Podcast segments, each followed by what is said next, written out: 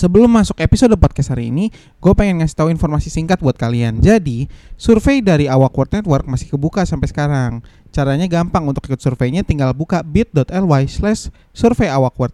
S-nya gede, A-nya gede. Link ada di deskripsi dan tolong isi itu supaya bisa membantu mendukung Awak World Network. Oke, langsung ke podcast. Kalian lagi dengerin Awak World Network. Di sesi beropini kali ini gue pengen ngomongin sesuatu yang menurut gue perlu banget gue bahas karena ya ini intinya bisa ngubah pandangan kalian sama sesuatu yang selama ini kalian pandang secara salah mungkin. Halo para pendengar Fauzan di sini dan balik lagi di Bazuta Radio di mana kita ngebahas tentang kehidupan, teknologi, hobi dan fantasi.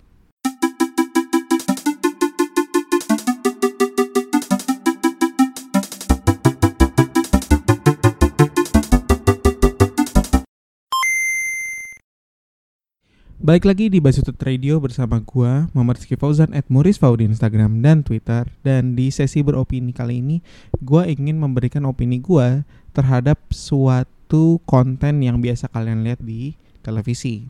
Jadi gue tahu di era-era pandemi ini sangat sedikit orang nonton TV dan gue tahu karena kemungkinan besar kalian merasa bahwa konten yang kalian di TV itu sangat monoton dan sangat biasa. Dan gue setuju sama hal itu. Cuman gue pengen ngebahas dari satu aspek. Jadi yang pengen gue bahas di sini adalah konten yang selalu kalian ini untuk uh, netizen-netizen di sosial media. Gue ngomongnya ke kalian, jadi ngomongin kalian ke sana ya. Uh, untuk para pendengar mungkin yang ngerasain hal yang sama juga mungkin bisa ngerasain. Gue pengen ngomongin soal sinetron dan FTV. Gue tahu kalian sering banget ngangkat-ngangkat ini sebagai sesuatu konten negatif, non edukatif dan bikin provokatif dan bikin hidup makin depresif. nggak tahu, pokoknya kalian ngerasa bahwa itu adalah sesuatu yang tidak baik gitu. Tapi kalian-kalian selalu mandang itu negatif in a way bahwa uh, secara kualitasnya jelek. Tapi gua berpendapat bahwa sinetron atau FTV itu sebenarnya keren kalau lo mandangnya dengan sudut pandang yang akan gue sampaikan di sini. Jadi gini, gue pengen pertama mulai dengan sesuatu yang gue udah lihat secara langsung pengalaman yang gue rasain. Gue waktu itu inget sekitar umur 8 tahunan gue nginep di rumah nenek gue gue tidur di samping kasur nenek gue dan kak gue inget waktu itu nenek gue nonton Cinta Fitri yang waktu itu masih tayang di SCTV singet gue ya. Dan gue inget banget ketika si protagonisnya si Fitri si Shiren Sungkar kayak di amuk-amuk sama tindakannya Dewi, gue inget banget nenek gue sangat invested sama nonton itu. Yang to the point dia marah-marah kayak, eh jangan kayak gitu dong, lu kenapa sih? Padahal itu kan televisi kan, tapi dia bisa se interaktif sama itu loh. To the point dia sampai lempar remote, sampai lempar remote. Gue yang lihat kaget gitu, gue kayak, hah seriusan? Dan oke, okay, jujur gini, uh, dari situ kita bisa tahu bahwa sinetron ngasih dampak emosional yang berlebihan dan gue yakin kalian setuju sama hal itu. Karena ya oke okay, kita kita ngomong contoh deh ya. Kita ngomong contoh sesuatu yang pernah kita lihat di sinetron. Gue gue minta kalian yang belum pernah nonton sinetron dan merasa bahwa konten-konten televisi itu negatif banget mendingan SpongeBob mendingan konten-konten kartun mendingan anime gue minta kalian nonton satu episode. Dan kalian perhatikan secara seksama adegannya adegan-adegannya tuh sangat di over exaggerating, sangat berlebihan. Lu ngelihat antagonisnya dijahat-jahatin, dikejam-kejamin, sekejam-kejamnya to the point lu ngerasa jijik sama orang itu. Lu merasa hina terhadap orang itu. Lu ngerasa nih orang sangat amat menyebalkan to the point lu pengen bunuh dia. gue tahu ini terdengar psikotik, tapi lu kalau nonton lu setuju sama gue. Lu pasti kayak apaan sih ini karena dan dan juga protagonisnya dibikin bodoh sebodoh bodohnya tuh the point lo ngerasa kayak aduh ini kenapa dia ngelakuin tindakan ini? Tapi lo ngerasa dia memang harus lo dukung lo akan ngerasa sedih ketika dia jatuh dan lo ngerasa senang ketika dia dapat vengeance-nya lu dia dapat revenge-nya ketika dia dapat resolusi yang baik untuk dirinya dan lu ngerasa kayak akhirnya dia hidupnya indah. Dan yang si ini kena azab the point lu ngerasa kayak yes dan orang kena azab. Sekonyol-konyolnya azab yang lu lihat tetap keren. Sekonyol-konyolnya apa namanya sesuatu yang antagonis itu terima resolusi dari antagonis itu sekejam-kejamnya sejorok-jorok sejelek-jeleknya seburuk-buruknya lo akan ngerasa itu keren. Lo ngerasa kayak yes nih orang kena azabnya. Tapi serius gini gini. Gue gue berani jamin gue berani jamin lu nggak pernah se emosi itu ngelihat tokoh di Netflix di YouTube. Karena gini yaitu kekuatan dari over exaggeration of storytelling. Kekuatan dari penyampaian yang sangat kuat itu, yang berlebihan itu, Netflix dan YouTube dia tuh mainnya lebih kalem dan lebih artistik lebih berusaha untuk menyampaikan story daripada menyampaikan konflik. Di situ bedanya. Dan oke, okay, gue harus akuin, setuju kalau gue harus bilang secara teknis sinetron TV kalah saing, kalah jauh sama Netflix, sama YouTube. Apalagi gini deh, sama anak SD yang bikin konten-konten drama, gue berani bilang banyak yang anak SD bikin bisa lebih bagus daripada sinetron FTV. Tapi di sini gue bukan nyampein secara teknis, tapi secara how it works gitu. Bagaimana sinetron ini seabsurd-absurdnya alurnya, seabsurd-absurdnya cara penyampaiannya berhasil. Berhasil dalam menyampaikan informasi itu. Karena oke okay, gini kita balik ke definisi. Definisi dari entertainment itu kan? Kita balik ke definisi entertainment. Entertainment itu apa sih? Informasi yang bisa menghibur orang yang menikmat mendapatkan informasi tersebut. Kan? Informasi. Ingat intinya itu adalah informasi. Dan oke okay, gini ketika lu menyerap informasi di televisi, let's say berita atau ya reality show atau segala macam itu, lu akan berpikir bahwa yang namanya informasi itu oh ya ini informasi yang gue dapat. Lu lu berusaha ketika ada orang nyampein informasi ngobrol deh kayak kayak lu dengerin podcast ini lu berusaha menerima inti dari informasi tersebut kan. Ketika lu chatting dan segala macam lu ingin mendapatkan inti dari informasi tersebut. Dan jujur ini sedih tapi ini adalah sesuatu yang ingin gue sampaikan.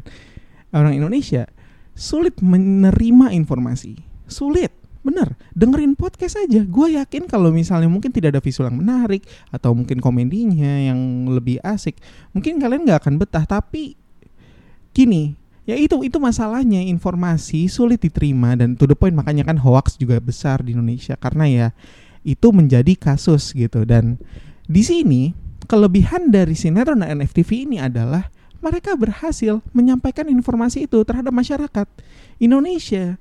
Karena gini kita akuin aja Indonesia tadi kayak gue bilang Indonesia sulit diberikan informasi. Kita ngomong gini deh komedi.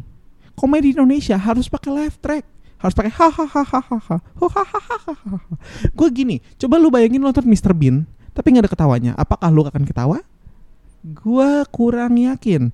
Oke, kita sebut film lain. Oke, kita ngomong komedi yang lain. Ini nih, gua ngomong komedi kebanyakan komedi ya. Mungkin ada beberapa yang baru kayak TOP atau Oke Jack, beberapa yang Oke Jack masih ada live tracknya. Cuman kalau TOP gua lupa, kayaknya nggak ada sih. Dan itu itu artinya udah ada improvement. Tapi you get the point. Yang gue ingin sampaikan bahwa ya lu harus ngasih tahu kalau this is comedy. This is you where you should laugh gitu. Di sini lu harus ketawa. Dan ini juga terjadi di reality show di mana ya kalau misalnya kalian udah nonton videonya Chandra Liao yang ngomongin soal penekanan drama di reality TV-nya Uya Kuya, lu ngerti yang gue ingin sampaikan di sini dan menurut gue penyampaian di sini itu bukan secara visual tapi secara storytellingnya lu bikin karakter ini sekejam-kejamnya supaya lu ngerti nih orang jahat karena kalau misalnya lo bikin dia sedikit kejam tapi niatnya baik gitu, lo akan punya konflik sendiri. Lo ngerasa, nih orang sebenarnya jahat gak sih? Dan lo nggak ngerti kalau misalnya ini cuman cerita dongeng simple good versus bad. Gitu aja. Lo pengen bikin dongeng simple. Karena gini, coba dongeng di dongeng-dongeng tuh gak ada yang bikin dongeng sesulit apa pun gitu yang yang sulit diterima karena lu pengen orang ngerti ini jahat ini baik dan lu pengen baik menang dan itu sebenarnya yang yang essentially FTV dan sinetron lakukan. Dan menurut gue itu keren. Dan itu yang bikin, menurut gue bikin keren. Karena caranya itu unik. Cara menyampaikannya. Dan gini gue mungkin kalian tahu ini uh, kalau misalnya kalian nonton Kodiko mungkin ya. Uh, dan ini juga rame di Facebook. Jadi ada salah satu akun sosial media yang namanya Darman. D H A R M A N N Darman. Dan dia ini essentially bikin video-video WA buat orang-orang barat. Jadi lo tahu kan video-video WA di mana yang kayak oh video motivasi tapi ada uh, reka adegannya. Eh, mungkin kalian pernah lihat lah. Dan ini versi baratnya di mana kayak oh uh, lu don't judge the book by its cover atau the loving of father itu yang penting bukan dari duitnya. Materialis itu tidak penting yang penting itu kasih sayang. Something like that. Tapi dibikin reka adegan kan lu pengen reenactment of it gitu. Lu ingin menyampaikan informasi bahwa this is the message this is the information we trying to give ini yang pengen kita sampaikan ke kalian dan kalau kalian nonton Darman pasti kalian setuju bahwa penyampaiannya itu serupa dengan FTV dan lu sadar itu trash, lu tahu itu trash. Tapi lu enjoying it. Lu oke okay, gini, lu nonton sinetron, lu kesel. Ketika oke okay, gini, ketika lu berusaha ketika lu nonton FTV itu, lu nonton sekali, lu emosi, lu merasakan emosi, lu merasakan bahagia, lu merasakan sedih. You are enjoying it. Lu nikmatin itu dan it's okay to enjoying it, oke? Okay? that's like guilty pleasure dan gue ngomong ini emang karena sesuatu yang gue rasa orang malu untuk akui tapi menurut gue it's good to tell this gitu loh karena ya sebenarnya ini keren gitu loh how they explicitly saying this is this this is that gitu dan lu ngerti gitu. Dan kalau menurut gue pada akhirnya nonton coba pada akhirnya lu harus nonton satu FTV di Indosiar atau lu nonton di YouTube or whatever you wanna watch it. Dan lu pandang FTV ini sebagai konten yang self aware yang sadar bahwa this is bad. Tapi lu coba enjoying it as an audience bukan as a critics. Karena selama ini yang gue pandang adalah ketika lu nonton itu lu menonton itu dan lu berusaha compare itu dengan TV apa serial TV barat serial drakor. Karena lu nggak butuh lu nggak butuh comparison itu. Ketika lu compare dengan luar lu nggak bisa enjoying it gitu loh. Menurut gue pada akhirnya ketika lu pengen nonton sesuatu lu enjoying it as its own thing gitu. Sebagai itu sendiri. Dan gak gue gue cukup yakin semua orang yang terlibat dalam situ tahu yang mereka buat tuh sampah tahu. Darman juga gue tahu. Gue yakin dia ngerasa kalau ini konten exaggerating banget. Tapi gue tau exaggerating menjual exaggerating laku. Ya mereka tahu ini bisa diterima masyarakat kenapa nggak dibuat? Ngapain bikin uh, cerita yang sedemikian rupa kompleks dan segala macam kalau pada akhirnya orang nggak ngerti ini apaan orang nggak suka ini apaan? Ya, oke okay, makanya pada akhirnya ini memandang terhadap pasar gitu loh. Dan pada akhirnya balik lagi ke inti gua menurut gua. Entertainment. This is entertainment right? This is hiburan gitu. Dan gue bilang tadi entertainment tujuannya menyampaikan informasi. Entertainment tujuannya untuk menghibur. Artinya entertainment menyampaikan tujuannya untuk menyampaikan informasi yang bisa menghibur penerima informasi tersebut. Dan menurut gua FTV berhasil mencapai tujuan itu.